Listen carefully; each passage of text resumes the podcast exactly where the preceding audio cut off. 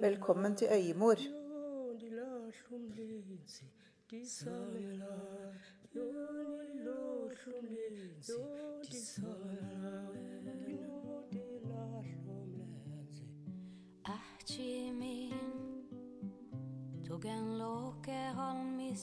Jeg heter Silje Micaela Kvalheim, og det er jeg som du kommer til å møte her på denne podkasten, og andre modige kvinnestemmer. Jeg er glad for at du fant veien hit, og jeg er glad for å være her. Øyemor er et begrep som ble brukt i Sápmi om tradisjonelle jordmødre og sjamankvinner. En kvinne som kunne se inn i sjela til kvinner og være en veiviser gjennom liv og død. Tittelen til podkasten er inspirert av boken 'Øymor fødselsfortellinger fra Sápmi'. I bakgrunnen hører du Mari Boine og Madosini fra Sør-Afrika. Her på Øymor skal jeg dele med dere erfaringer, ressurser og visdom rundt fødsel, morskap og det å reise seg etter traumer rundt fødsel og barsel. Vi skal reise inn i fødselsriket fra et urfolksperspektiv vi skal møte jordmødre, modige fødekvinner og snakke om, og kanskje med, våre forfedre og de mange og samtidige få veier til heling og gjenreisning. Med podkasten vil jeg skape samtale og åpenhet rundt kvinners opplevelser. Rundt fødsel, barsel og morskap fra kvinners ståsted. Og jeg vil dele med dere noen fantastiske folk som jeg har møtt på min vei. Velkommen hit til Øyemor.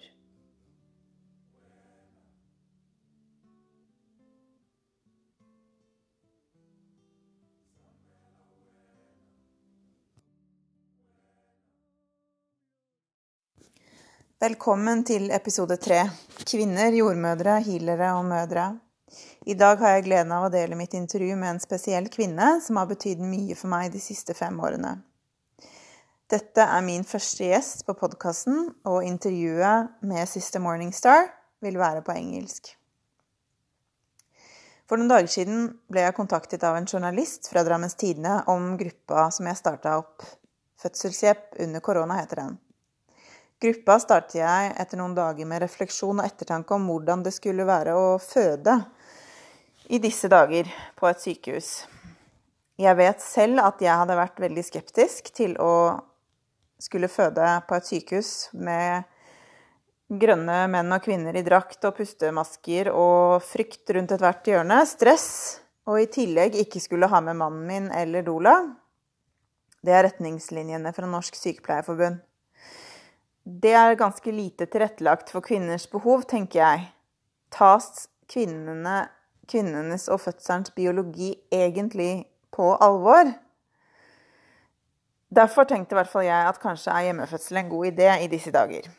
I Danmark har jordmødrene gått sammen og tilbudt hjemmefødsel ved donasjon. Det gjør bare saken så smertefullt tydelig. Kvinner hjelper kvinner gjennom fødsel. Slik har det alltid vært ikke stat eller systemer. Min oldemor gikk rundt på åssiden i Drammen etter krigen og hjalp kvinner som fødte. Hun var ikke jordmor, men hun hadde hjulpet sin egen mor Olga å ta imot hennes barn, brødre. Selvfølgelig var de født hjemme. Kvinner trenger støtte under fødsel av noen de har tillit til. De trenger å bli møtt og sett av noen som vet og se det hellige i liv. Det hellige i en mor som gir liv. I disse dager leser jeg en bok som heter Anna, 'Grandmother of Jesus'. Det er nesten litt sprøtt å lese den boka parallelt med alt som skjer. Den hjelper meg å stole på min egen kraft og hva jeg driver med. I boka møter vi også Maria Magdalene, som kanskje noen har også sett filmen med samme navn. Jeg husker så godt en scene i filmen hvor Maria blir kalt for å støtte en fødende kvinne under fødsel. Hun møter hennes øyne, hennes sjel, med hele sin bevissthet og bærer henne gjennom smerten og sprer sin kjærlighet til fødekvinnen. Så den gravide kan lene seg på hennes godhet og kjærlighet. Så viktig kan ett ord være, eller et blikk. Det kan løfte frem liv, eller det kan knuse det. Men nå, dere, skal dere få møte Sister Morningstar. Jeg leser hennes bio for deg her, og herfra blir eh, episoden hovedsakelig på engelsk.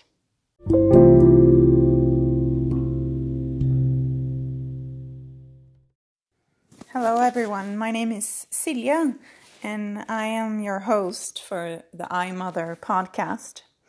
I Mother is a term that derived in Sapmi about traditional midwives and medicine women, a woman who could look into the souls of birthing women and hold space for her. She was a guide into the unknown in both birth as well as death, a priestess of transformations of the soul. I Mother podcast is a fellowship for and by women to share wisdom, experiences, and resources around birth and motherhood, and about resurrections of the soul after times of darkness. Enjoy the episode. Sister Morningstar is a Cherokee midwife and keeper of stories.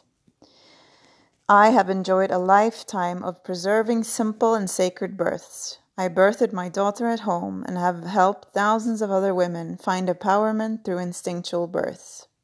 I have served on, served on state, national, and international boards, helping to oversee the development and preservation of midwifery certification programs.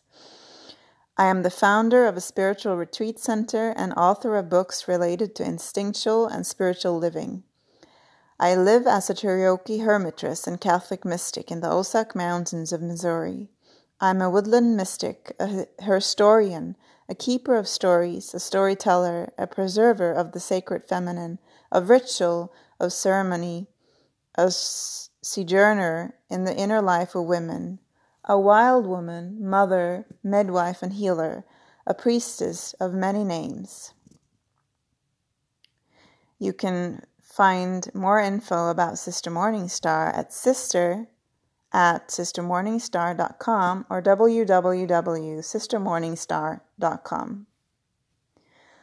Last time I met Sister was in Norway about three years ago. My daughter was about one, and we spent time together in the woods of my homeland in a beautiful cabin that belonged to a dear friend, Marion.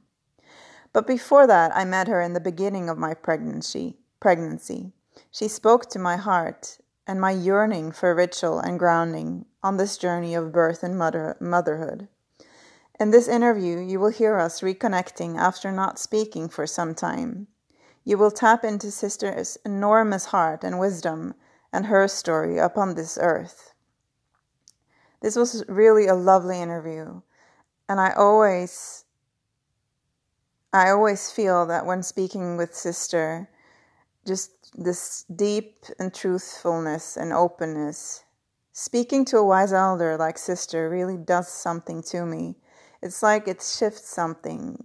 It makes me aware of beliefs or insecurities, openings and awarenesses, angers and sorrows. It's like healing is life's journey. We never finish, but in time we become better at being present with what is. And today I feel so humble and vulnerable, like just crying and sitting holding my belly. I really hope you enjoy our talk today, and I hope it gives hope and inspiration and power to those women who are birthing right now. Here, my dear friends, is episode number three with my dear friend, Sister Morningstar in the end of the recording with sister i have i had to stop the recorder for just like 10 seconds or something like that because the recorder has a maximum of one hour per recording. So you're you're missing like 10 or 20 seconds of that in the middle of the um, uh, while sister is speaking and my apologies for that.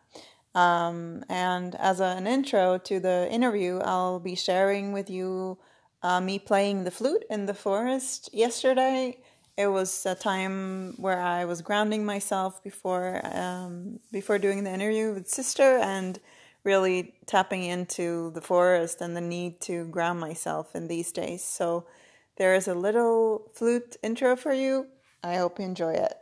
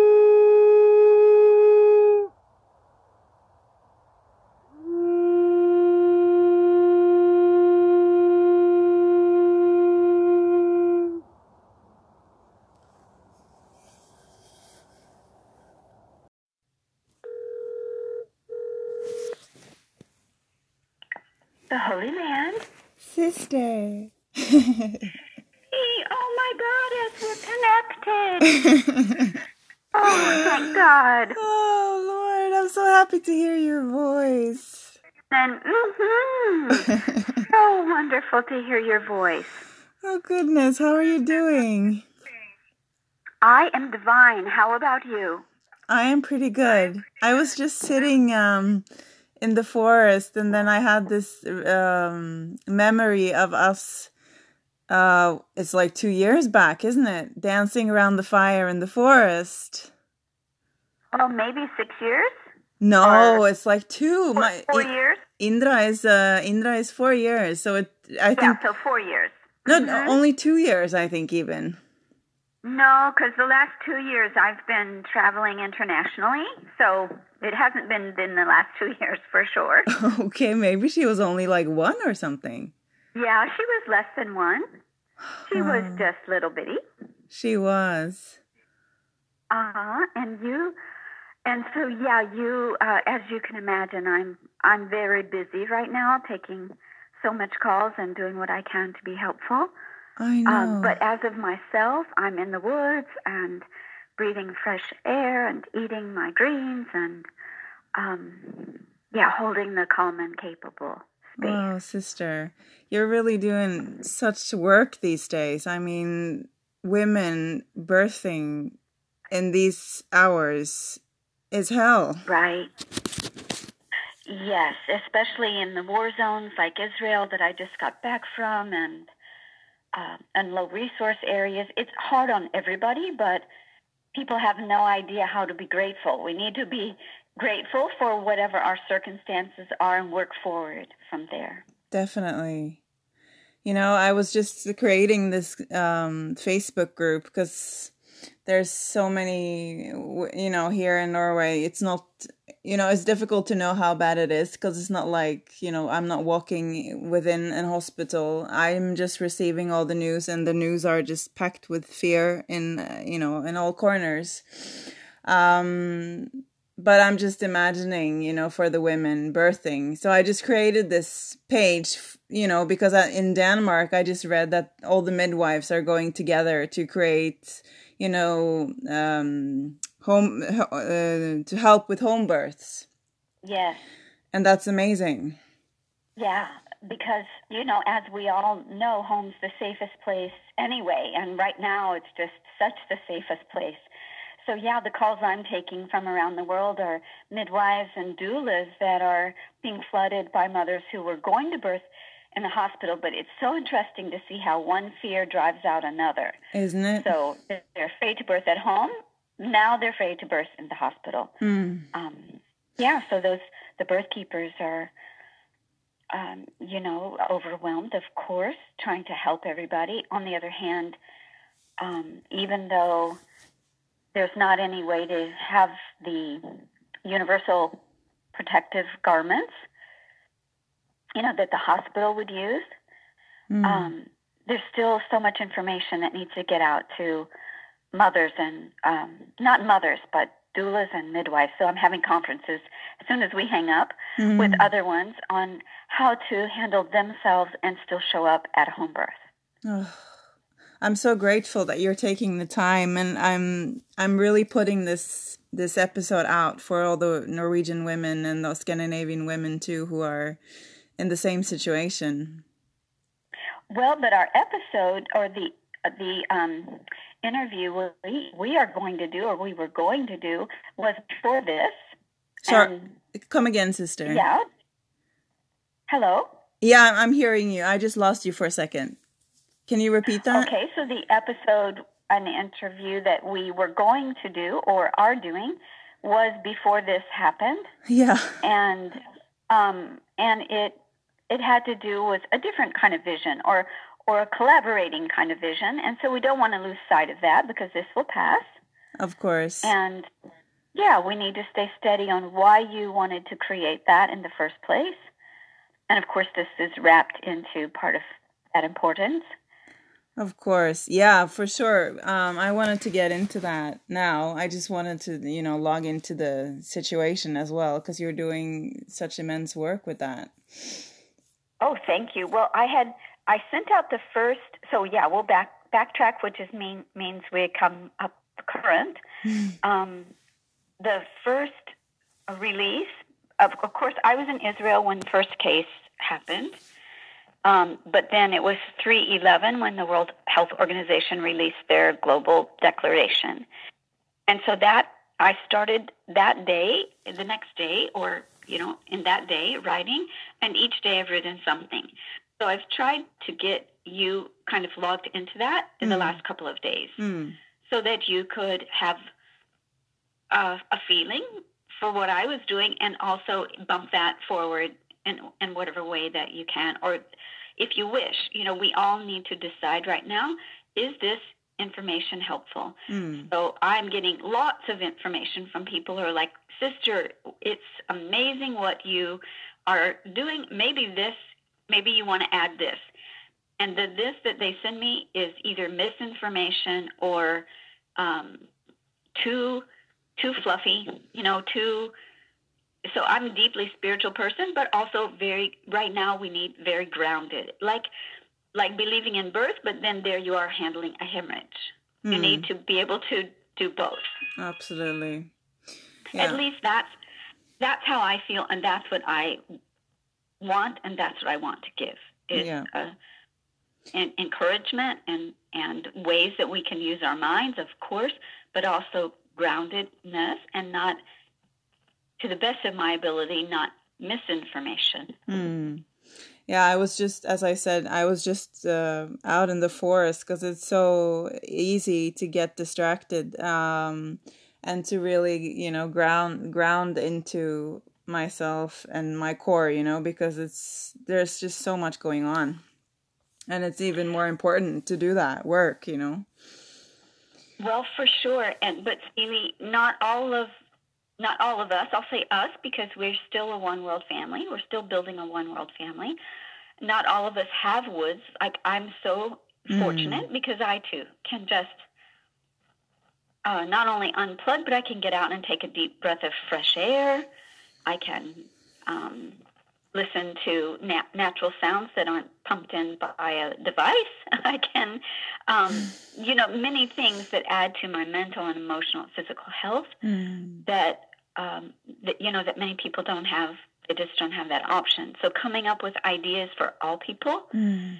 um, and and then doing the best we can, like like you, what you just described that you can do, that allows us to be more helpful Absolutely. Um, so sister, let's get into uh, our um, our talk. Um, so I know you. I'm I'm so lucky to have met you, and you have been so important for me throughout my pregnancy and after, and in the midst of the whole thing. Um, but people who are listening don't necessarily know you that well. So I just wanted to give, um, if you can talk a bit about who you are and your journey um, into the work that you do in this in this lifetime. Sure, I could I could do that. I also want to hear what your vision is for your episode. You know, for why why you're creating it. Of course, I want to hear that. But you you'll already tell your people that, so it, it, you don't need to say that right this minute. But um, Yes, I'm fortunate too to know you. And I was just looking the other day at, at our picture on, your boat with your little baby growing, and and how that's not even possible for me to do right now. Mm. Like to get on a plane and cross the big waters and um, and come and see you. So maybe part of that mystery is the beginning of my story. Um, let's see. So. Uh, my people are Cherokee and indigenous to this continent, to America. And I was raised by my grandmother in the woods. And so I have very visceral feeling in my heart of my first toys being sticks and and grasses and and walnut holes and uh, you know things that I didn't have any idea at the time would later shape my whole way of being and thinking mm. and helping. But that was my beginning. um, by creeks and drinking fresh creek running water, and who knows how long that's really uh, safe or possible now, but still, it was my beginning. And birds overhead, and so sound, when I think of the physical senses that we have, uh, sight and sound and uh, touch and all of these things, they were flooded in my earliness with nature. Mm. And I would add the sixth sense. So, you know, like all little wild animals, they have a sixth sense of where is the predator and where is my mother.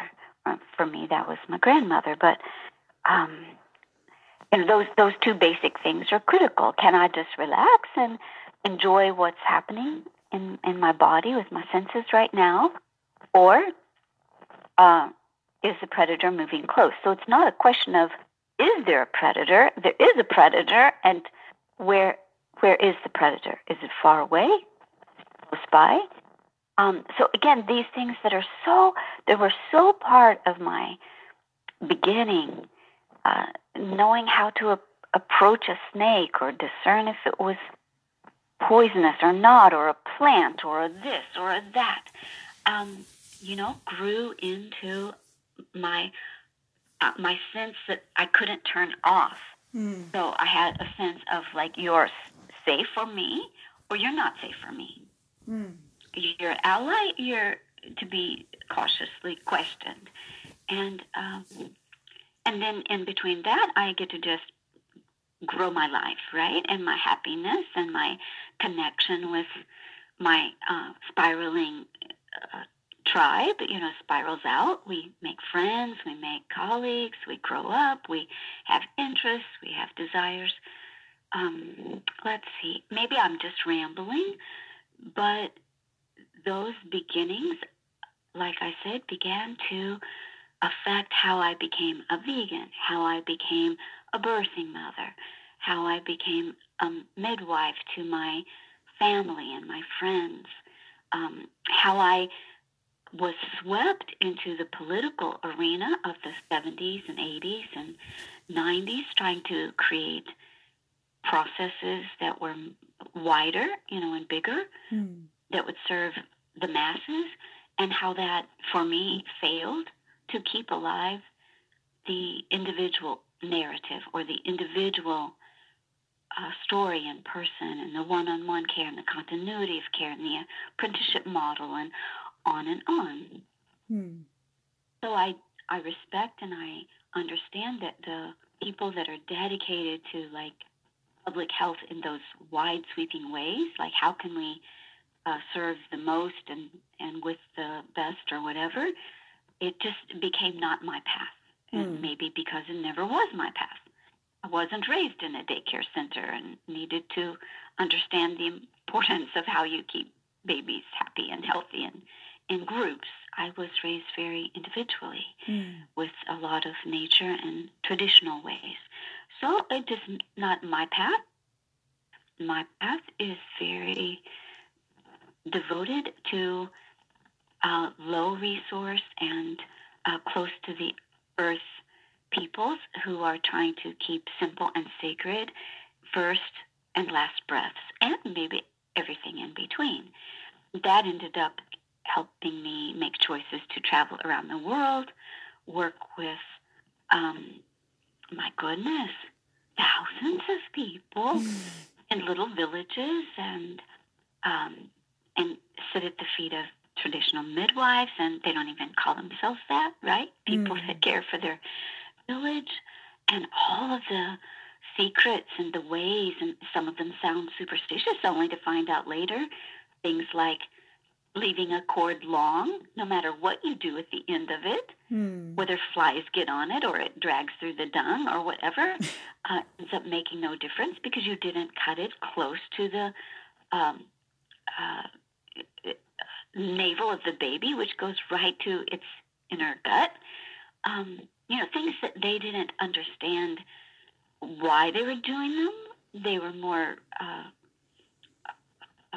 part of their rituals but it's what every little mammal does, right? She doesn't mm. chew off her cord right next to the baby's stomach. She, there's a length to it. You know, there's mm. a space, and and all of those these wonderful things that I got to blend um, um, maybe some different ways of thinking about it, uh, science science think ways of thinking about it, meta, uh, metabolic ways of thinking about it, and still go, oh, here's uh, where the wisdom lies.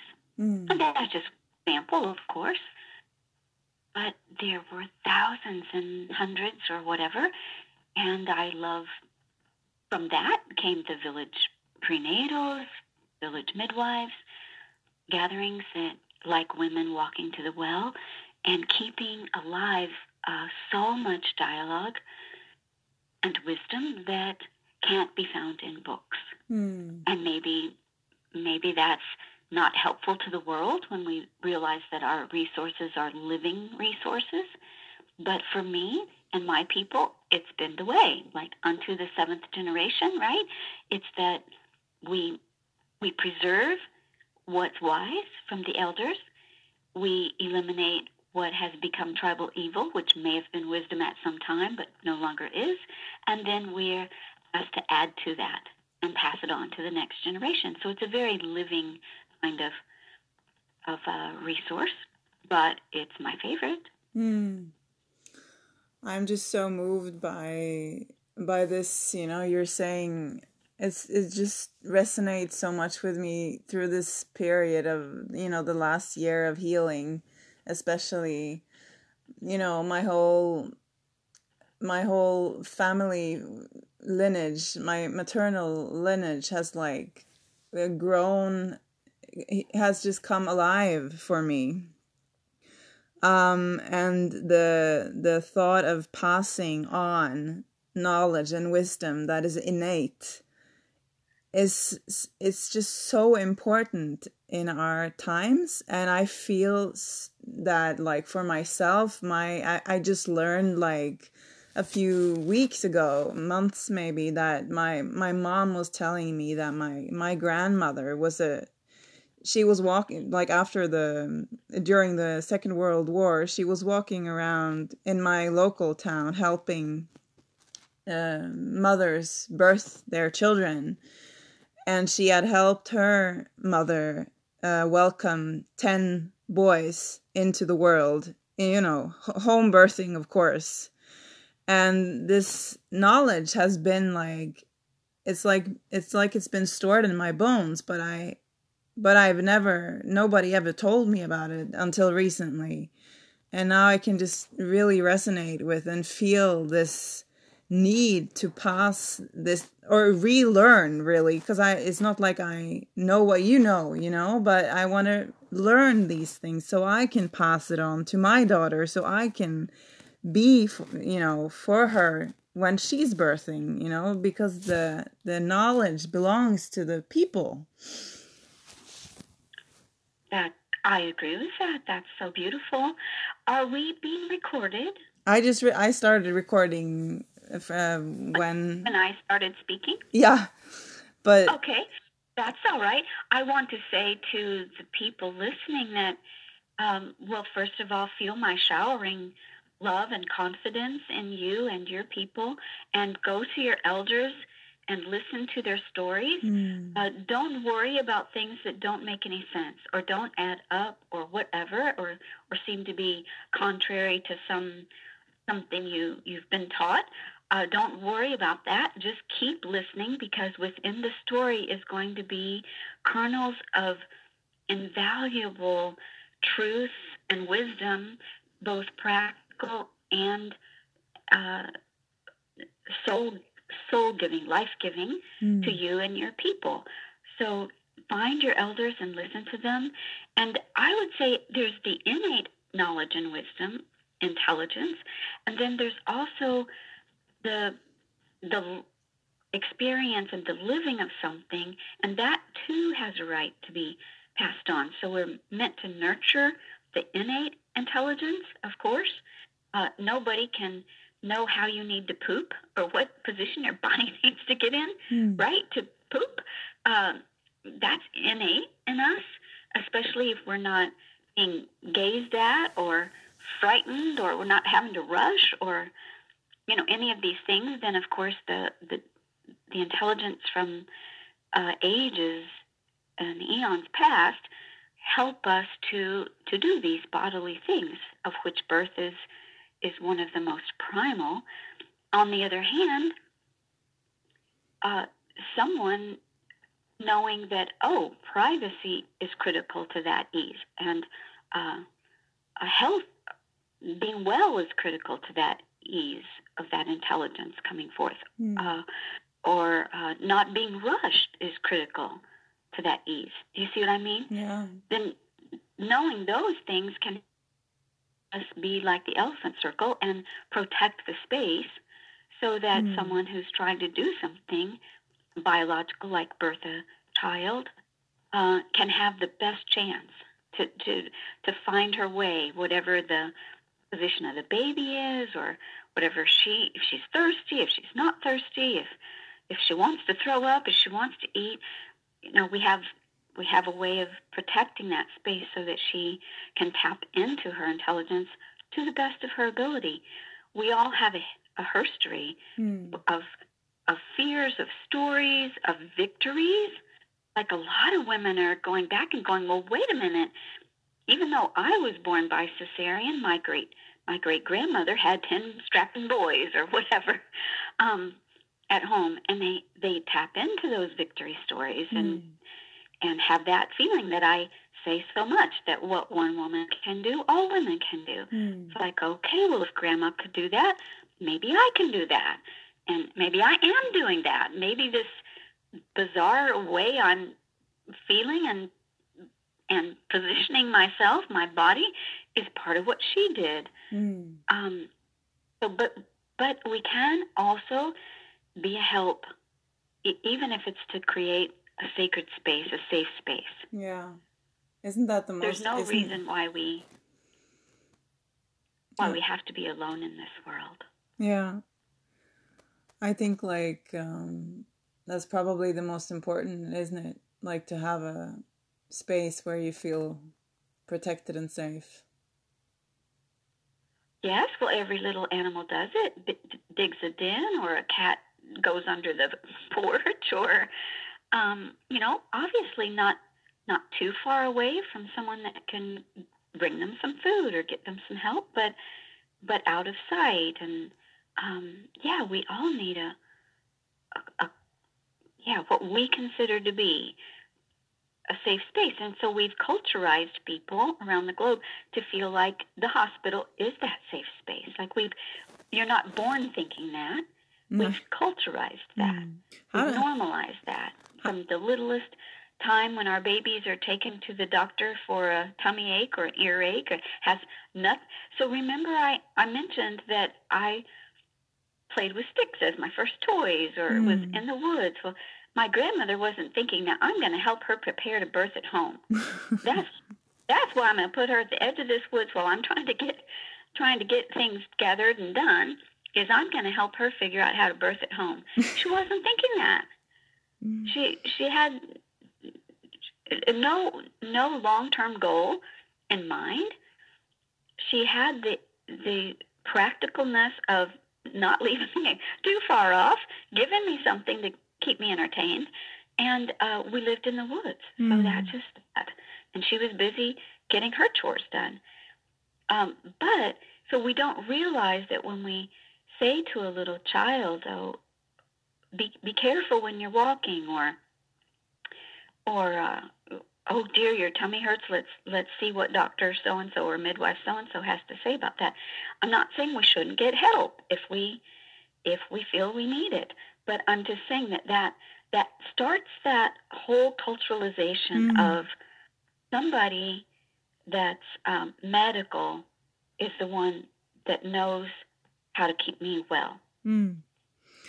Yeah. Rather than, or, or keep me safe, or mm. that's where I'll be safe, and somebody will know how to keep me well, as opposed to, um, uh, you know, we'll say a grandmother who who says, um, you know, no more of that sugar, and here's some onion soup, and you're going to feel better in the morning. Mm that, that's a very different message. Mm.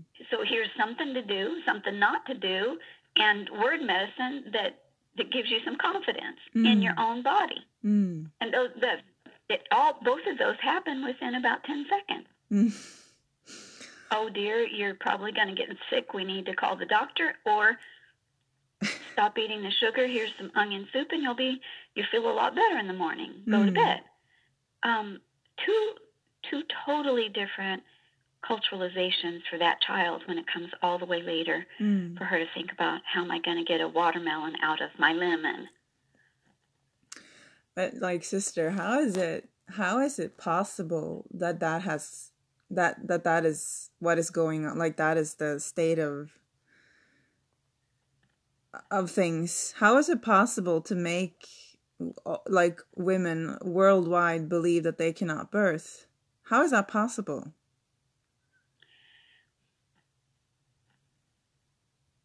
Taking a deep breath because it's a it's an important question that we've all been asking ourselves for several decades now, and Michel Odent's got several answers to that that people can can Google and look up because we're the Google.com generation now.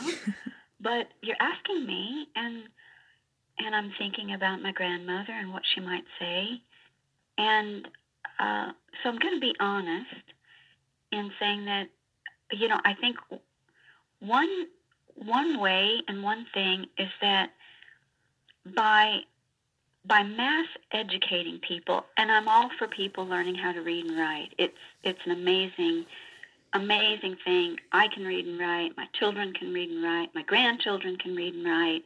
I'm grateful for it. Um, but I must say that my favorite people in all the world, when I go to any country, is I try to find the elders who cannot read and write. And I sit at their feet and I watch you know them move and and how they talk and what they have to say to me because we've lost something mm. in mass educating people to be more confident with their neocortex or their thinking brain than trusting their old brain. And we need both clearly because nature gave us both. But but we've almost uh, minimized or even even what do you call it we've we've judged as as higher a higher potential of error the response of the of the of the old brain or the instinctual brain or the rational or the thinking brain. And in birth that doesn't usually serve us very well. So so i think creating an entire world culture that trusts its thinking brain and then then we're asked to trust a teacher to tell us what the thinking brain's supposed to be thinking. And it's just put us more and more steps away from knowing uh, what we know and knowing what we need to know in a moment of crisis or or disaster. The other thing is we've isolated families where the wise grandmother uh, is no longer really available many of our grandmothers don't even know how to say, uh, stop eating the sugar, here's some onion soup, go to bed, and you'll feel better in the morning. You know, we don't even really have very many grandmothers left that know. And if, and wherever they are, they're geographic. So we're geographically dispersed, ethnically displaced. Uh, and once you start isolating people, the knowledge of generations is immediately cut off hmm. immediately cut off. Yeah, being cut off from nature and being cut off from our elders and our, you know, lineages. It's like a. It's disastrous. Yeah. It's impossible to find find a way. It's like we're lost, entirely lost. Well, you know, uh, we're not we can't be entirely lost because we're still alive and True. Um, it's not it's not possible to be entirely lost if you're still alive there's there's some way um, and starting to trust our instincts is one connecting with other people who trust their instincts is another mm. connecting birth connecting with people who did birth the way you want to birth is another being in disaster so I, a few years back, Ruth Walsh, she's brilliant, created the um, basic disaster birth support training system. And I've been teaching that around the world since the day she created it. And it's just brilliant because it it just goes over the basic things that even an eight year old could could do to help uh, a woman who's trying to bring a baby into this world. Mm.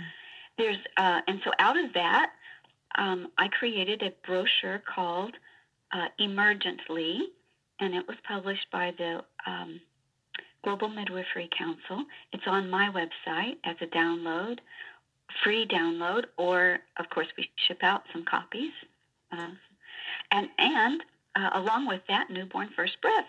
Mm. They're both little bitty brochures that help anybody in a disaster, which we're in right now, uh, kind of just have the basic, oh, here's what we do and what we don't do, and we can stay calm mm. to help a baby be born. Meanwhile, uh, even if you're not in the middle of a disaster, whether it's man-made or or na- uh, by nature, I remember my own daughter who had like five friends birthing the same year she birthed, which was about six years ago. They all were planning natural births. They all were using midwives, and they all ended up with a cesarean. Mm. And these were in these are high resource people, educated people, in uh, excellent uh, city places, urban settings with mm. easy access and they all ended up with a cesarean against their wishes. Mm. They sat at her feet, um, kind of starry eyed, with tears in their eyes, too, of course, as she held her home birth water baby in her arms. And they said, How did you do it? How did you do it? We, we so wanted to do it. And she, uh, she said back to them, uh, I don't know. I really don't know. All I know is if you don't go in, it comes out. Hmm. Uh, but why do we go in? Uh, sometimes we go in because we have a medical condition, a pre existing medical condition, and we, we just feel like that's the safest place. Sometimes we go in because we're afraid. We didn't think we'd be afraid, but now we are. Sometimes we go in because our care providers get afraid. We mm. we we're still grounded. We want to stay, but their protocols or their standards or whatever, you know, we've fallen outside what they can do or feel comfortable doing, whether it's early or late or multiples or position or breech or water broke or or um, pages and pages of reasons why they no longer can or feel comfortable staying home with a mother who feels like she would like to still stay home. Mm. That's hmm. another reason that we go in. Um, but here in this pandemic 2020, we have mothers all over the world who were afraid to stay home and now are afraid to go in. Mm what's going to happen to them. They're not prepared. They're not prepared physically or emotionally or mentally. And so they're just having fear drive them from one place to the other. That's what I meant about where is the predator? Hmm. Sometimes the predator's on the outside of us, and sometimes the predator's on the inside of us. Yeah, for sure.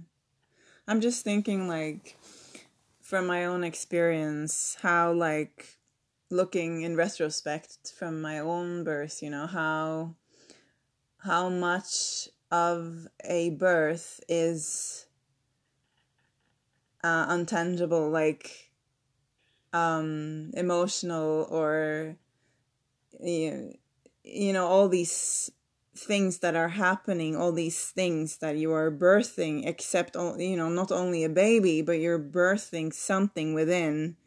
And it's like impossible to put into words but this process of the internal process of what you're actually birthing or how, why it's you know taking the uh, path or way in, that it's happening in feels like it's it's that is birth you know the the, the internal everything going on within the mother making her able to birth the baby Celie, I just love hearing what you have to say. Of course, I, I, I've been with you through your pregnancy and your birth and your healing, and and that's always an eternal journey. Um, but I, what I hear, partly what I hear in what you're saying just now, has to do with the reality that when we birth a baby, we birth a mother, mm. and we don't birth her one time. So I've helped mothers birth their eighth child, their 12th child, their 21st child, their 28th child. And every single time she's birthing herself as a new mother while she's birthing her baby. Mm. And when we birth ourselves as a new mother for that mother, I mean, for that baby, to be able to mother that baby, the 21st baby, you know, the sixth baby, the first baby, we are also carrying our lineage one generation forward, mm. right? So our mother birthed us, and her mother birthed her, and her mother birthed her, all the way back to however we want to call the first mother. And we're adding one more generation to that big story.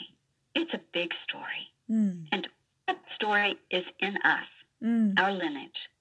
That whole story is in us. And some of that story, you know, people have, whether it's conscious or unconscious, that's their story. Either their great, great, great, great grandmother died in childbirth or she, uh, you know, got up in two seconds and ran down the path. Like, we don't even, nobody needs to tell us that story. It's in our bones, it's in mm. our blood, it's mm. in our DNA. She was our great, great, great grandmother. All that story, we're birthing one more generation story. Mm.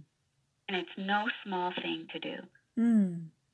No small thing. We we think about oh what we know about our, of our story, in our brain, like maybe the trauma or the this, especially around sensuality and sexuality or, or previous motherhood. But we're talking about from the dawn of our existence and time, mm. a story. And we're adding one more generation to that story. So it's if we have our midwife or uh, somebody who cares about our narrative, if we can care about our narrative, and realize, oh, I'm I'm birthing that. I'm birthing me. And I'm birthing my baby. I think it's beautiful what you just said. And that's also a gift to my baby. My story, whatever it is, now it's in her. That's my story. and if we lived like you lived, then we are uh, a survivor story. We're somehow victorious. We're not a victim story. It's not possible because we're still alive. So we're a survivor story. And we can start to understand that story however we decide we want to frame it, which is layer by layer, hopefully not with rose colored glasses or, or a lack of, of um, bravery but factually, like so if it if it lacks the divine, if it lacks something that we feel we would want for the next generation, what did we learn? What can we say to her? Hmm. You know, where was the predator in the story? Hmm. Yeah, I'm I'm so happy to be able to after these like 4 years to to have a story that I feel like I am proud to share with my daughter and and um, proud for her to have to be you know carrying on. Yes, isn't, that a, It's a good feeling and it's a powerful uh, step and what a What a lucky little girl. Yeah, she's uh we're we are. We're we're just we did this together. she's been mm-hmm. you know, she's been guiding me all along really in this journey. Indeed. Indeed. But and maybe uh, maybe our babies come to us by with with some well we know babies are conscious they're conscious participants in birth they're conscious beings and maybe they choose us maybe For sure, I think so. We our people think so too. Mm. Uh, but but maybe they do. Maybe they like on the physical level when a little uh, creature, a little a newborn baby, they're looking for the eyes of of its mother. They're looking for her voice.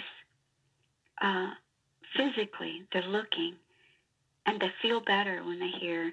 You know that from Klaus and Kennell's work that babies respond more vigorously to the sound of their own mother's voice than any other sound.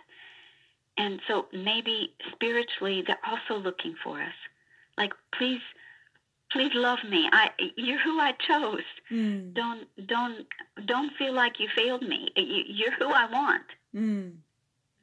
Yeah, and also like I feel I've felt so so many times like recently that not just her wanting wanting me, but also my whole mat- maternal lineage wanting this this way. Oh, I think that's beautiful. Oh, well, how beautiful. And Counting to on her. sorry, Yeah, choosing her. yeah, Hmm. That's uh, certainly, yeah, certainly how many indigenous uh, people feel, especially, especially that are maternal uh, societies, matriarchal societies. I, I would, uh, Celie, like to mention the five uh, universal maternal behaviors that assist in newborn first breaths. yeah. Please, Uh, just in case that would be helpful. please. Pick one. Uh, and, and they're in the Newborn First Breaths brochure. There's also a training about it, uh, which obviously isn't available right this minute. Um, but uh, whether you're birthing at home or, or, or in a birth center or hospital, these behaviors do not need to be taught. So birth keepers can observe them. I was just in Greece and Israel teaching this, even in hospitals. So they they don't they don't have to be taught that every mother will do them. The first thing she will do, assuming she's non if she's respond you know if she's alive, if if she's not non-responsive, uh, she may be overwhelmed and throw her head back like like many first-time mothers do. But if nobody comes within the uh, space of a halo, I say it's like a, a kind of a three-foot space. I don't know what that is in meters.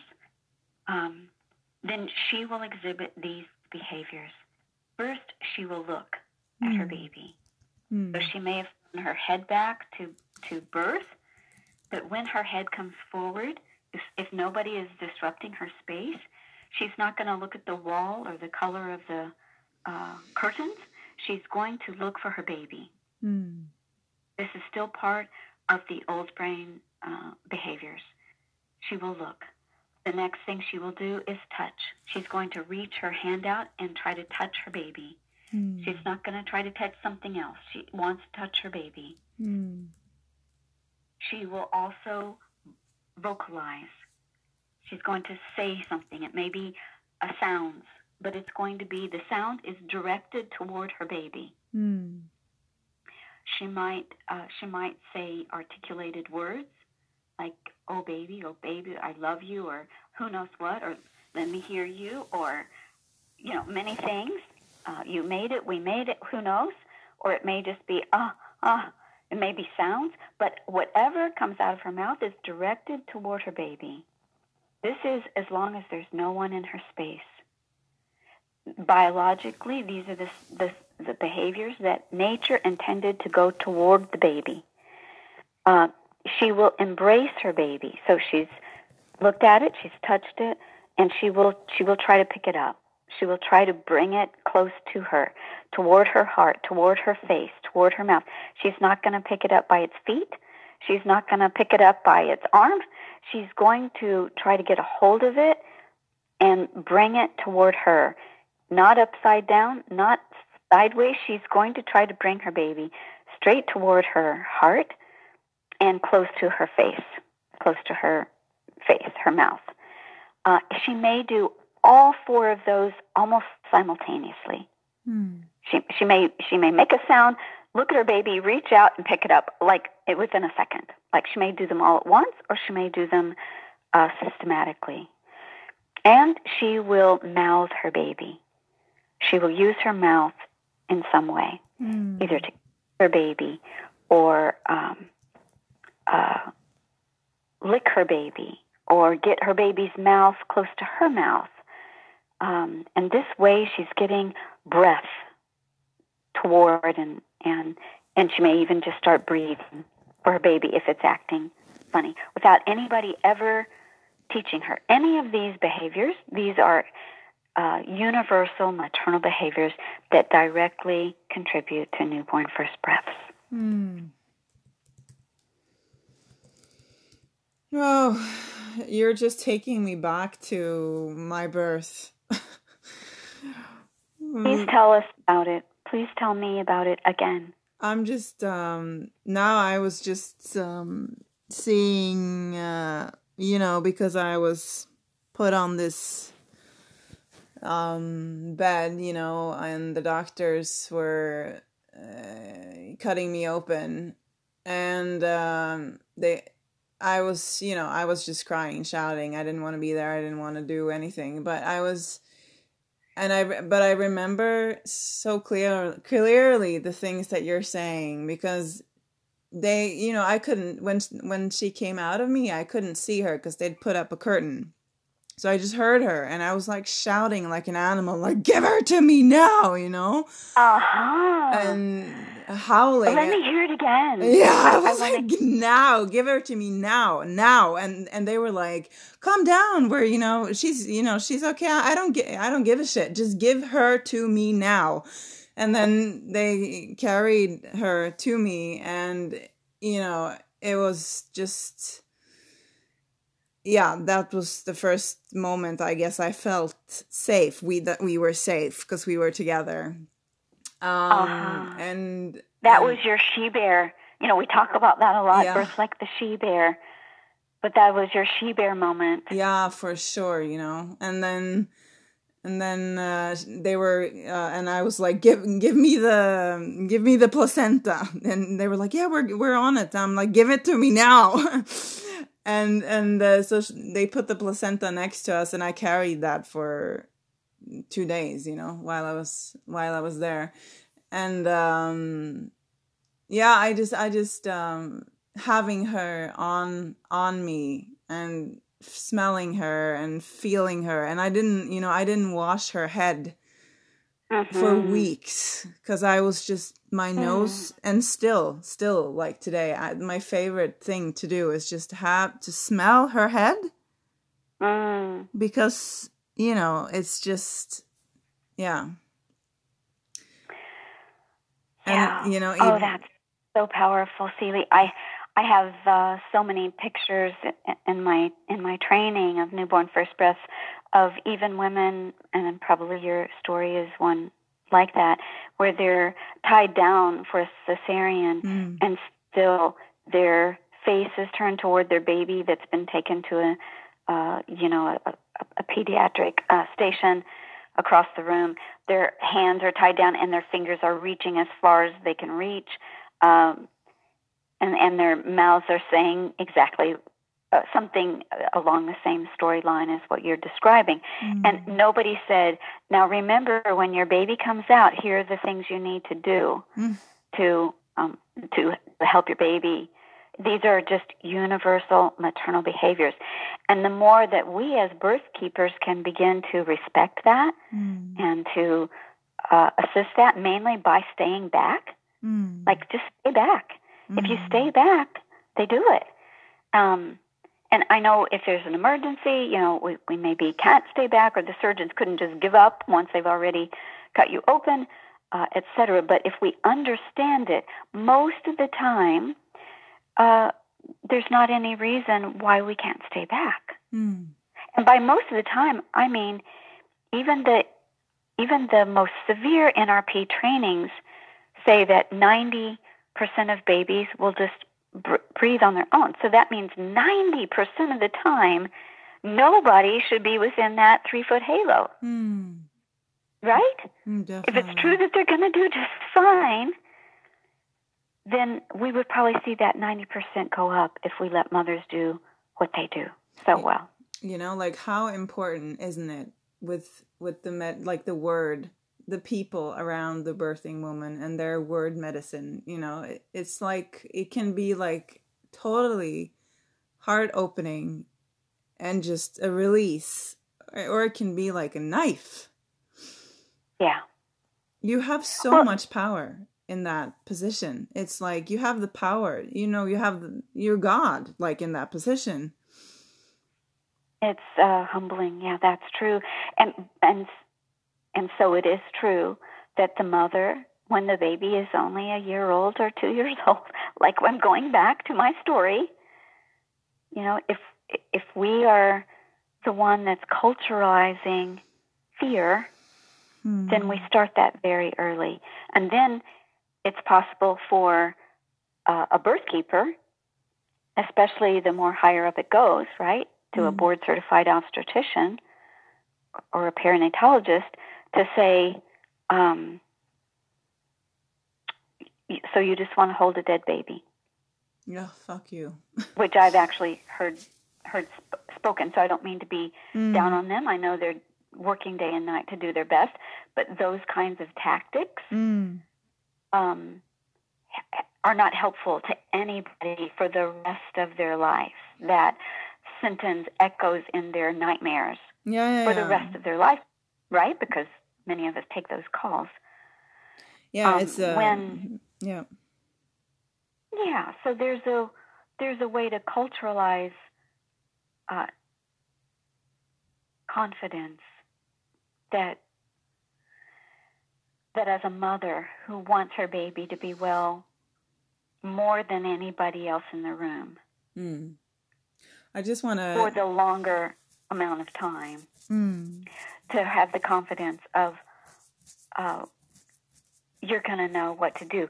So one of the things, uh, Celie, is when I'm working with birth keepers and they, for whatever reason, especially doulas, have had to be with someone going through such a a horrendous uh, finale of what they hoped was going to be such a beautiful, gentle coming of their baby into this world if they know the signs that I just described, then when they do a birth review, they can uh, point out or say to the mother, "What? Remember when you said, "Give me my baby now"? Remember when you said that? That actually helped her breathe, Mm. so that we can start to affirm uh, the things that the mothers did, as opposed to, yeah, but Celie, they if they hadn't had that O2 on her, you know, Mm. we don't know how she would have done. Yeah. Do you see how one thing undermines a mother and another one is not only accurate, but Mm. helps her understand her story better? Yeah, that's that's that was really from my experience, you know, one of the most challenging things because when you do when I or, or when I did share my story, which I eventually stopped doing until recently, um that's what you hear because you know obviously since you had a, a, a cesarean there must have been a need for the cesarean. So you're probably wrong. Your feeling is probably wrong. Um, and that just totally puts a mother in a grave you know? Yeah. but luckily you know, there are some some women out there who, you know, support and acknowledge that all stories, you know, that the stories belong to the women. Oh, I love that because stories are her story to me. To me, that and and for me, the facts are in the story. Mm. So we have such a scientific model in mind right now, which is fine. People can look it up. Uh, but I've lived long enough to watch the statistics change and watch the we thought we knew and now we are adjusting that. Where when you hear a woman's story, there are facts in it, which is why the first book I wrote, The Power of Women, is full of stories. Because I, and I tell student midwives, and, and it is a text. Absolutely. You know, I just want to. So, sh- I, I just want to re- remind us all to when you find the elders. So, for example, I have a little story that because I am a storyteller of sorts, and um, it, it's a coronavirus type story, unfortunately, because that's what we're in right now. But uh, my my mother, who did live, uh, even though we, uh, I was born in a tuberculosis sanitarium, at the time and kept away from her. Mm. But she did live, and now she's you know in her 80s.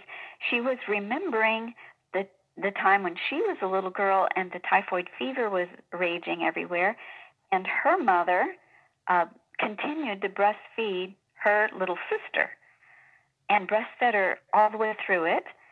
And my mother said, and I always thought when Mama would say, "This is going to help keep your baby sister well." I thought, well, why don't you squirt some my way?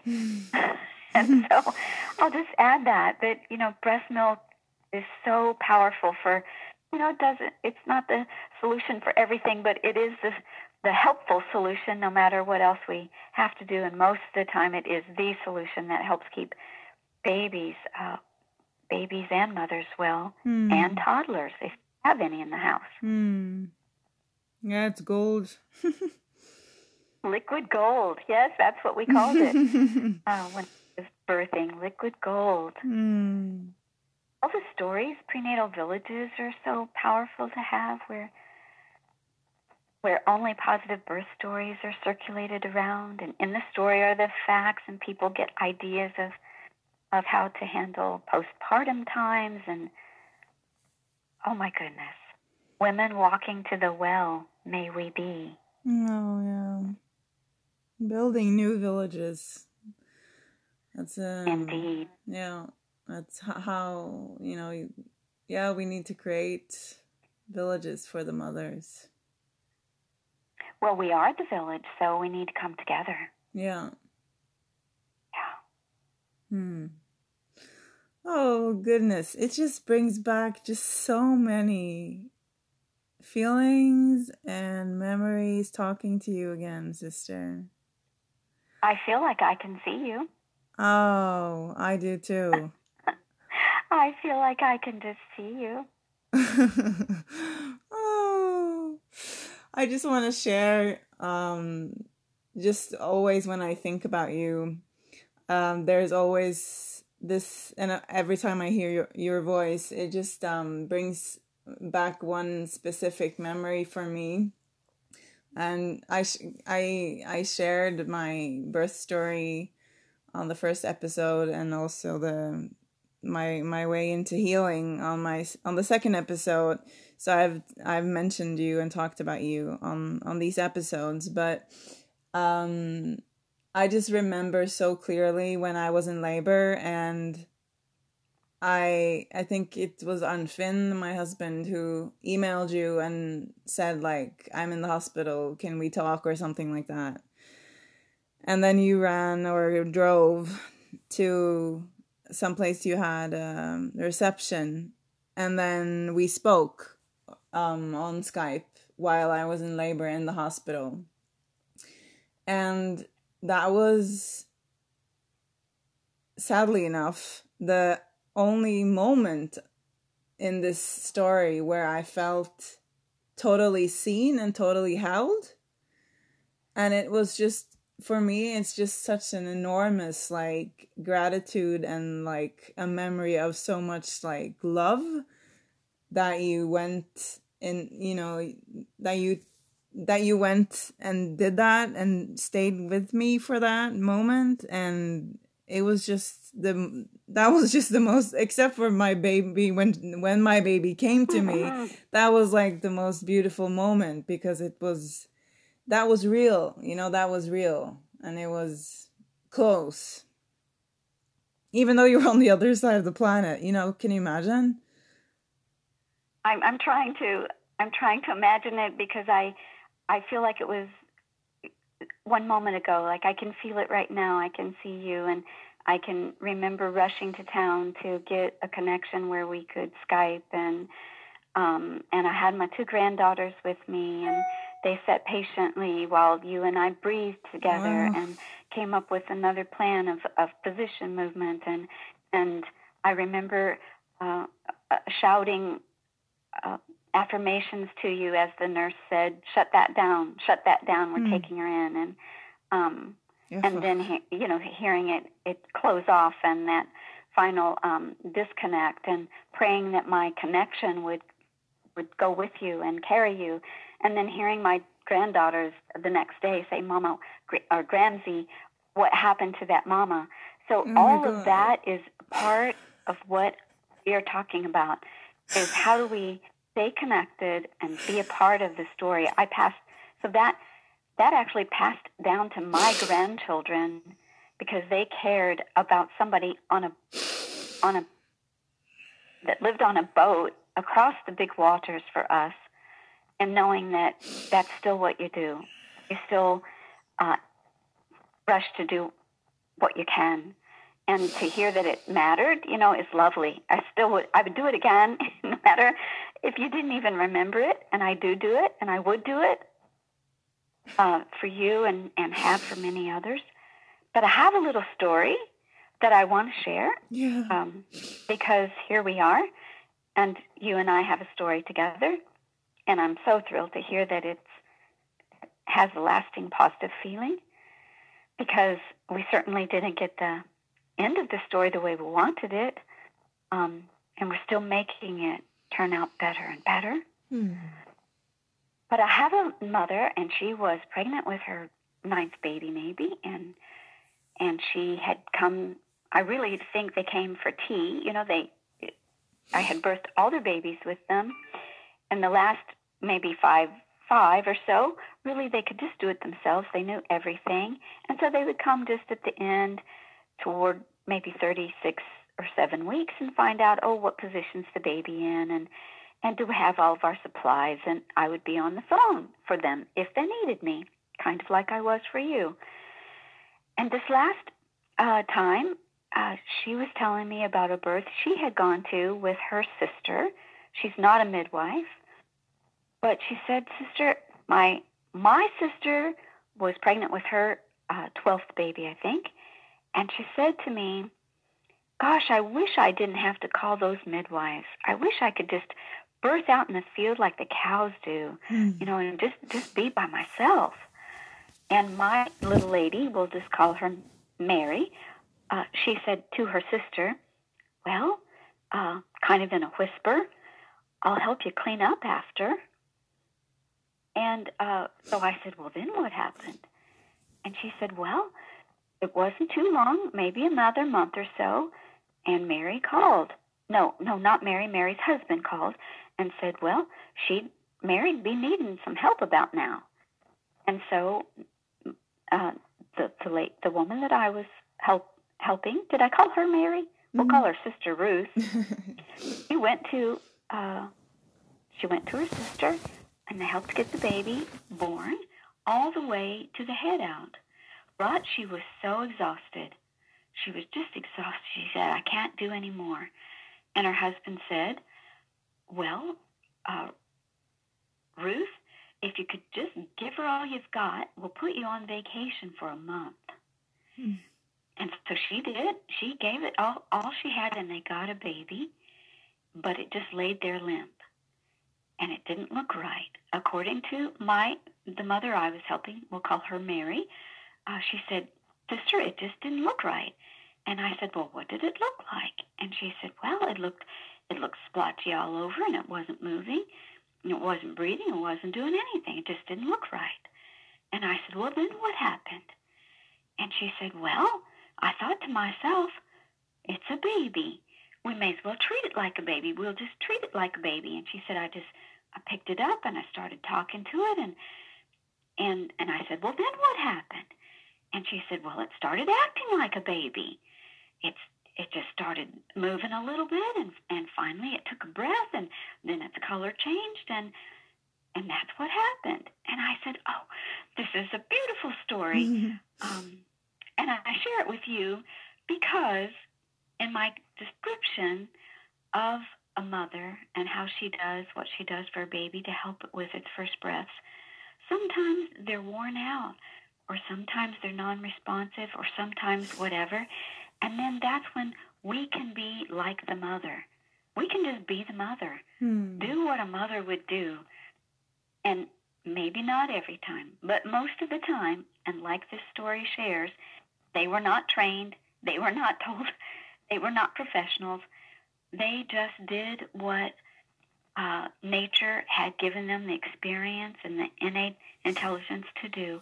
And look how it helped a mother and a baby, because of course Ruth finally came around, and and of course the baby nursed, and there's a and there's a toddler running around now and happy and healthy.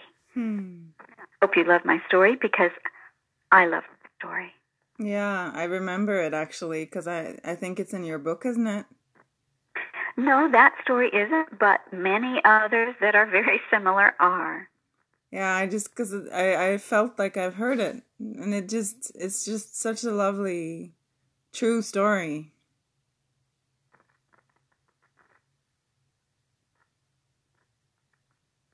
Are you there, sister? I am. Good. I am. I am just thinking that what one woman can do, all, All women, can, do. And what one village can do, all villages can do. True. Sister, I could speak with you for an eternity. I miss you. I'm, yeah, I miss speaking to you and I love speaking to you. But I have one um wish to end our our call. And that is if we can sing together. oh, I would love that. what shall we sing? Let's see. Um why why don't we sing Wild Woman? Okay, I love that one. that would include the mothers and the birth keepers. Yes. So, and the birthing mothers and everybody. Yes. Let's do that. Okay, well, I was given a most precious gift of a, a rattle by the Mi'kmaq in northern Canada. Oh. And so I am going to use that rattle and imagine that we're together and that the wisdom of the Mi'kmaq are with us. Hmm. Are you ready? I'm ready. Wild woman, mother, midwife and healer. Wild woman, mother, midwife and healer.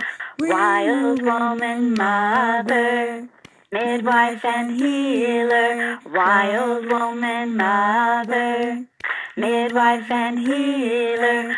We will give birth. I want you to see we birth. I want you to hear we will give birth. I want you to know we will give birth. I want you to be wild woman mother. Midwife and healer, wild woman mother. Midwife and healer, wild woman mother. Midwife and healer, wild woman mother. Midwife and healer.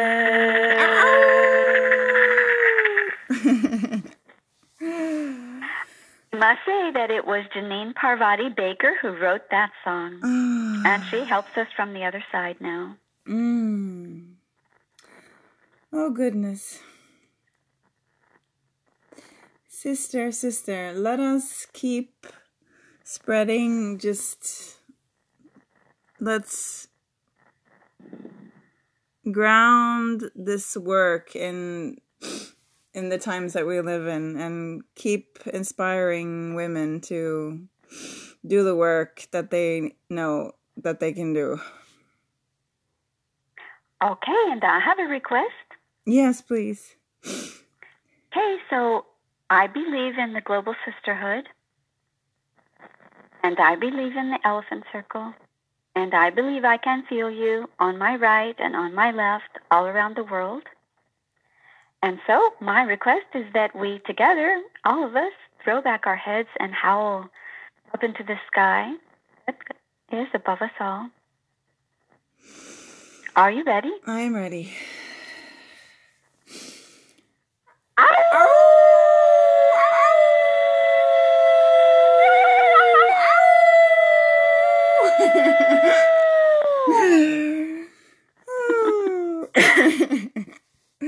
Blessed be. Blessed, Blessed do. do. I love you, sister. Thank you.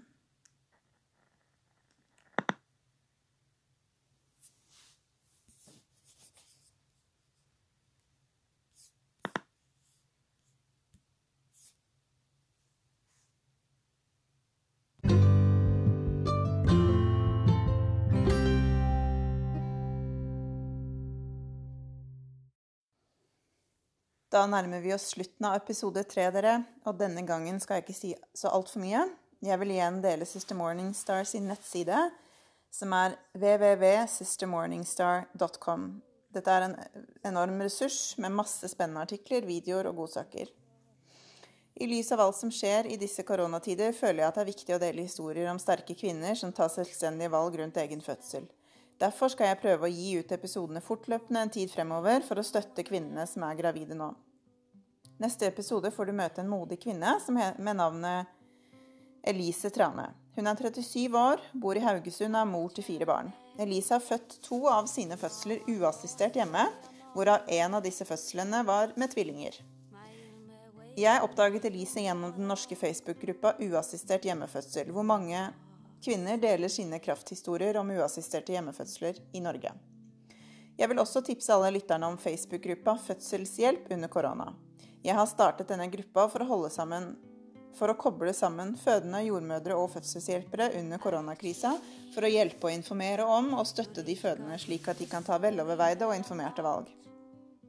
Del siden med de du kjenner som er gravide eller fødselshjelpere i Norge. Vær så snill. Jeg vil også gjerne minne mine lyttere om at du kan støtte mitt arbeid med podkasten Øyemor på patrion.com bindestrek skråstrek imother. Her vil det etter hvert dukke opp bonuser for de som støtter podkasten, og jeg har også startet opp en månedlig kvinnesirkel for mine støttere. På Patrion vil du også finne bilder, innlegg og informasjon om ting som jeg er opptatt av, relatert til fødsel, barsel og traumeheling. Håper du føler deg fylt opp og gleder deg til neste episode. Det gjør i hvert fall jeg. Ta vare på hverandre i disse dager og hold føttene godt planta på jorda.